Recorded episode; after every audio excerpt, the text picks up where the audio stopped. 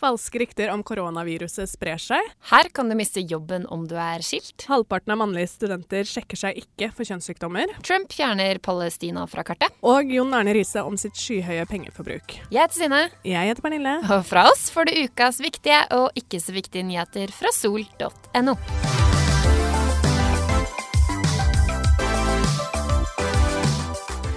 velkommen til Sol snakkes. Vi har kommet til uke fem. Eh, det er mye snufsing ute og går på kontorene her i Alurbygget. Mange er forkjøla. Er det. Kjenner jo, kjenner jo at vinteren eh, tar litt bolig i kroppen for tiden. Men nå går det overraskende mye bedre med meg, i hvert fall. Hvordan er det med deg? Jo da, det går bedre. Jeg har vært forkjøla i ca. to måneder, så nå må det snart gi seg. Med mindre jeg har fått noe annet virus i kroppen. Kan det være koronavirus?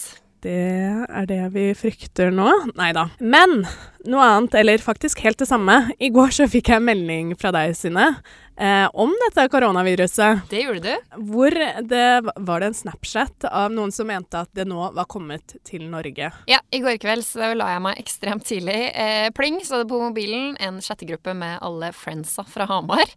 Da har hun ene fått en snap. På snappen sto det følgende Ikke for å skremme noen, men jeg må seff dele dette og så er det anonymisert. Jobber for Oslo universitetssykehus. Eh, det er i går innlagt første pasient med koronavirus her i Norge.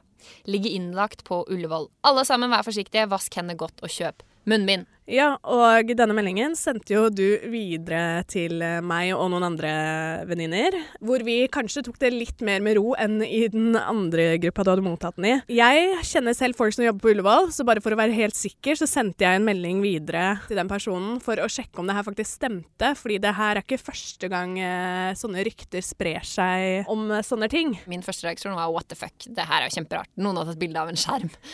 Dette vi hadde vel hørt om det, tenkte jeg. Vi jobber i media. Og uh, Ullevål sykehus har jo gått ut og bekrefta og sagt det her er falske nyheter. Og det var jo det jeg med en gang tenkte òg, bare det her er tull. Og det er litt skummelt uh, når sånne her ting går ut, fordi det skaper så sykt hysteri. Og uh, det er skremselspropaganda, nesten. Pressevakten ved Oslo universitetssykehus, Anders Beyer, han, han, går ut og sier at på akuttmottaket blir det en god del irritasjon, og vi blir triste over at noen, noen syns det er underholdning i å spre slike nyheter. Og det var akkurat det jeg også tenkte. At hvem gidder å lage en sånn snap. Altså, det er veldig rart. Man, man, skal jo tro at den faktisk bare er lagd for å skremme andre mennesker, for det er jo den eneste hensikten ved den, er jo å gi folk noia. Ja, jeg tenker sånn, Det hadde jo ikke falt meg inn å ta et bilde, for det første, et bilde av meg selv med denne teksten på. Eh, det kan jo være at hun hadde fått en beskjed som hun hadde misforstått, da. Eller at hun faktisk har hørt det. Det vet man jo ikke. Og så tenkte hun å være føre var og spre det til venner. Det eneste jeg tenker litt sånn i forhold til at du sier at uh, det kan hende hun har misforstått en beskjed. Jeg tror det det skal være ganske vanskelig å misforstå om du er på Ullevål sykehus, om du faktisk har fått dette koronaviruset eller ikke.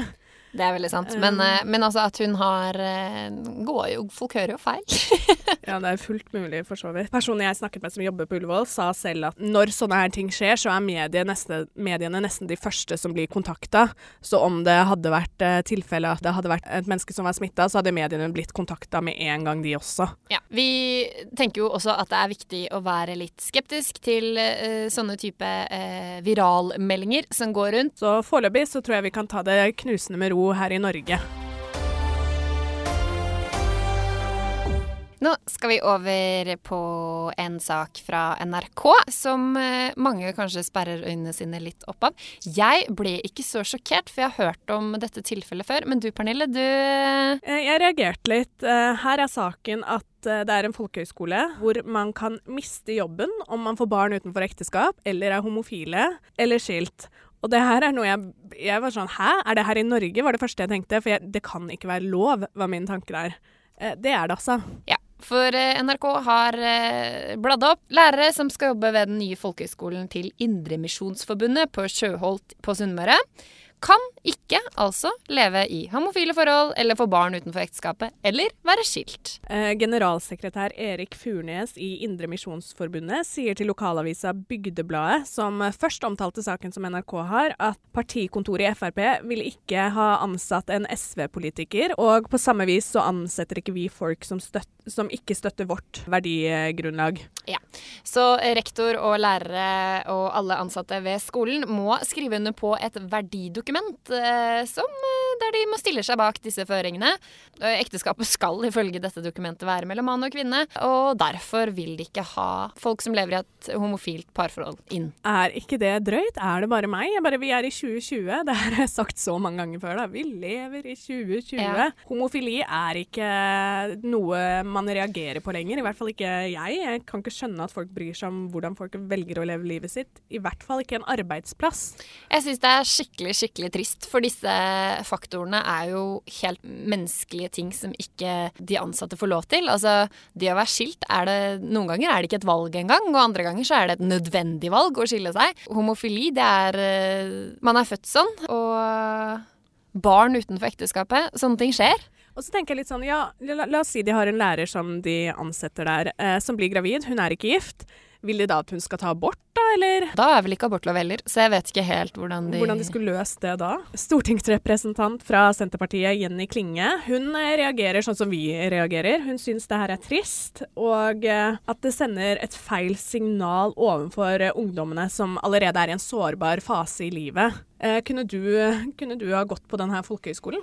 Jeg tror ikke jeg hadde ønsket det av egne prinsipper. Nei, for det er litt sånn, kunne man stilt seg bak en skole som velger å gjøre det, eller velger å ha de verdiene, selv om skolen kanskje tilbyr akkurat det du ønsker. Eh, jeg vet ikke om jeg kunne gjort det, altså. Det her er ting jeg er sterkt imot, så da hadde jeg nok heller gått en annen vei, tror jeg. Ronny Wilhelmsen, som er eh, en av frontfigurene i Great Garlic Girls, har jo reagert sterkt på dette, og mener jo at det er helt eh, sjukt at det, det forsvares at det innvilges støtte til denne typen radikalisering, som han kaller det, som både er forhistorisk og skadelig, mener han da. Vi snakket jo om at uh, vi skjønte jo ikke hvordan dette kunne være lovlig, og kanskje det sykeste i saken er at det er faktisk det. Om stillingen innebærer at du skal ha trosopplæring eller aktiviteter med religiøst innhold, som å holde f.eks. en andakt, så vil det være kunne lovlig å stille sånne krav. Eh, og det sier jo Emma Karoline Hermanrud, som er jurist i Likestillings- og diskrimineringsombudet. Journalisten i saken stiller spørsmål til Petter Olsen, som er medeier i Indre Misjonsforbundet, og spørsmålet lyder følgende Mange mener at disse reglene hører til på 1800-tallet og ikke i 2020. Hva mener du om det? Ja, og da svarer han så fint at eh, vi tenker at Guds ord er aktuelt til alle tider, og det vil vi skal være viktig og avgjørende for hvordan vi driver vår virksomhet. Og med det? Og med det sier jeg bare åh, orker ikke mer. Nei, det Vi holder oss i hvert fall unna denne folkehøyskolen. Denne uka er eh, studentavisen Universitas nok en gang ute med en ny sexsak. Ja, og denne gangen eh, kan man si det er en litt fy-fy-sak, men mener jeg i hvert fall. Halvparten av eh, mannlige studenter dropper å sjekke seg for kjønnssykdommer ved partnerbytte. Ja, eh, Videre skriver de at skabbutbruddet tar eh, landet med storm, og eh, klamydia er større enn noen gang her i Norge. Og eh, med denne informasjonen så velger altså 36 prosent av studenter å droppe å sjekke seg. Ja, og i saken så har de intervju intervjuet Har de intervjuet eh, Preben André Jungård Andersen, som er student på BI, og han eh, har et sitat her som jeg tenker angår mange. For han sier det er kanskje hovmod fra min side, men jeg tenker litt at det kommer ikke til å skje med meg. Og der føler jeg det, det, det føler jeg er en ting mange tenker. Jeg tror det er der veldig mye av problemet ligger. Eh, som ved veldig mange andre ting eh, som, eh, som skjer rundt om i verden, så er det sånn Ja, men det skjer ikke med meg. Her viser de jo tall på at det faktisk skjer med Det er jo meg, holdt jeg på å si. Ja, og så sier jo, eh, sier jo Preben videre at, eh, at han har kontroll på de han ligger med, og vet hvem de ligger med. Jeg tenker ja, du skal vel aldri, tror- aldri ta det for god fisk. Nei, for jeg tror, jeg tror kanskje Preben er den eneste personen jeg vet om som har kontroll på det. Ja. Eh, de har snakket med sykepleier Stine Solli, som er leder for seksual seksualitetsundervisningen ved Sex og samfunn. Eh, og hun er ikke overrasket over tallene eh, som kommer frem. Men hun tror også at veldig mange kan være litt for godtroende overfor sin seksualpartner. Ja, men der er det ganske interessant å se på, for de har også lagt ved årsrapporten til Sex og samfunn fra 2018. Da. Og der viser det fra, eh, seg at 81% av deres besøkende er jenter. Er jentene mer redde for kjønnssykdommene? Det virker jo helt klart sånn ut fra hva rapporten viser. Eh, jeg tror kanskje at jenter har det litt mer konsekvenser for jenter om man får en kjønnssykdom enn for gutter. Ja, det kan vel ha det. Og så i tillegg så er jo jenter generelt bedre på å snakke om følelser og helse og alt som er. Eh, og det sier jo også sykepleieren her, at eh, det blir bare spekulering. Men det kan ha noe med at jenter har lettere for å snakke om ting som oppleves som personlige, som seksualitet og egen helse. Ja, og hun legger også til at om det er tvil, ta en ekstra test. Og partnere syns det bare bare er mer tiltrekkende om man er flink til å sjekke seg eh, for sykdommene. Ja. Så unge gutter og jenter, løp, løp og kjøp, holdt jeg på å si. Løp og sjekk. Yes. Nok en uke med Trump og rare ideer. Eh, tirsdag så la Donald Trump eh, fram det som eh, han selv har omtalt som århundrets avtale for fred mellom Israel og Palestina. Ja, det er hans egne ord, egne ord der, altså. Eh, avtalen, så, eller det han fremmer som en avtale, er følgende punkter. At Israel både får beholde bosetningene som er etablert i de okkuperte palestinske områdene. Avtalen gjelder da altså mellom Israel og Palestina. At den okkuperte jorden Jordandalen beholdes av Israel, og at en fremtidig palestinsk hovedstad legges til Shafat, som ligger fem kilometer nord for Jerusalems gamleby. Ja, og kanskje det det har blitt mest blest om i ettertid, at Jerusalem blir Israels utdelte hovedstad. Og det er jo her folk reagerer på dette. Det er jo ikke å stikke under en stol at eh, USA og Israel er gode venner. Og for et par år siden, når, eh, når Trump bestemte seg for å flytte ambassaden til Israel til eh, Jerusalem, så, så, bare styrket dette forholdet enda mer. Trumps plan går imot en rekke resolusjoner i FNs sikkerhetsråd, eh, som USA tidligere har vært med på å vedta. Der slås det fast at eh, Israels okkupasjon over de palestinske områdene er ulovlig, og at bosetningen eh, som er etablert der, strider mot folkeretten. Eh, og ikke overraskende, egentlig, så har ikke palestinske myndigheter hatt eh, noe, noe, å si eh, i denne planen, og de avviser den også helt. Tjenestemann eh, i Hamas, Khalil al-Haya, sier at eh, dette er ikke en avtale de vil akseptere, og at de er sikre på at det palestinske folk og at okkupasjonen og den amerikanske regjeringen vil bære ansvar for det de har gjort. Det som er litt morsomt der, er at Jan Erik Smilden har skrevet en kommentar for eh, Dagbladet, hvor han skriver at tidspunktet for offentliggjøringen var absolutt ikke tilfeldig. Eh, på den måten ønsker Trump å få oppmerksomheten vekk fra eh, riksrettssaken som pågår mot han. Og i tillegg så gir han drahjelp til statsminister Benjamin Netanyahu før det israelske parlamentsvalget, som nå er 2. mars. Spørsmålet da er jo om man kan tro på det Trump sier, da, at dette faktisk er århundrets fredsavtale.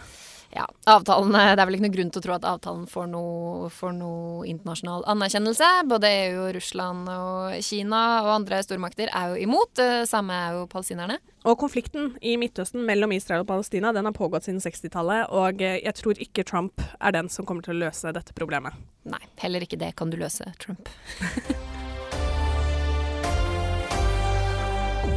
Denne uken så har Jon Arne Riise sammen med kona Louise Angelica vært med på TV-programmet I lomma på Silje. Det er altså et uh, TV-program som uh, kjendiser kan være med på for å få litt styring på økonomien sin. Ja, så fotballspilleren har da åpnet seg opp om sitt uh, private forbruk, og VG har også skrevet om det. Han har altså spist ute, f.eks. 360 ganger på ett år. Det er jo alle dager bortsett fra fem. På samme tid brukte han nesten 500 000 kroner på klær og sko. Det er veldig høye summer eh, som han bruker på ting som vi ikke har mulighet. Det er det. Eh, det skal sies at eh, Jon Arne Riise har jo økonomien til det. Eh, så han har jo muligheten til å bruke penger på det han gjør. Men han er jo med i dette programmet fordi han vil ha råd til drømmehuset. Og får ikke egenkapital til siste del av huset, sånn jeg skjønte det og dermed må han spare en del penger på et år. Silje Sandmæl går igjen og viser de at de kan spare over 900 000 kroner på et år. Det er mye penger, det. Det er veldig mye penger. Eh, jeg får litt sånn shit, har ikke han hatt egenkapital til eh, hus engang? Da får jeg sånn Han hadde jo hatt det hvis han ikke hadde kjøpt alle de bilene han har kjøpt, f.eks. Ja, det er klart, men jeg skjønner ikke hva har han gjort. Altså, jeg skjønner jo at han har brukt pengene sine på bull, om man kan si det. Eh, men jeg skjønner ikke hvordan han kan ha bare svidd av så mye penger og ikke klart å liksom skaffe seg en bolig engang. Nei. Det er jo Man kan jo tenke at eh, det er eh, rart. Eh, kult at han åpner opp om det og snakker om dette. Eh, det er nok ganske lett for en fotballspiller som tjener ganske mye penger, og også få et høyt eh, forbruk og kjøpe ting som vi da omtaler som tull. Og jeg tenker jo for eksempel, da, så er det jo et Eh, de går jo gjennom handlegata i Karl Johan, hvor de går forbi Chanel og Hermé og disse butikkene som jeg aldri har satt min fot inn på. Han er ute etter en fødselsgave til dama og kjøper rett og slett en fødebag til 15 000, på en måte. Eller en Jeg tror fødselsgaven var eh, en veske til 70 000.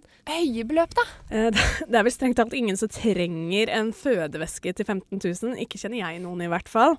Men Silje Sandmæl hun har et godt poeng, som hun sier til VG, og det er at mange må huske på at Arne har vokst opp i fotballmiljøet der slike summer nesten blir å regne som melk og brød. Ja. Eh, så det her er nok veldig sjokkerende for oss og veldig mange andre, men sånn som han har levd i sine yngre dager som profffotballspiller, så er det her ikke sjokkerende summer som ble brukt. Nei.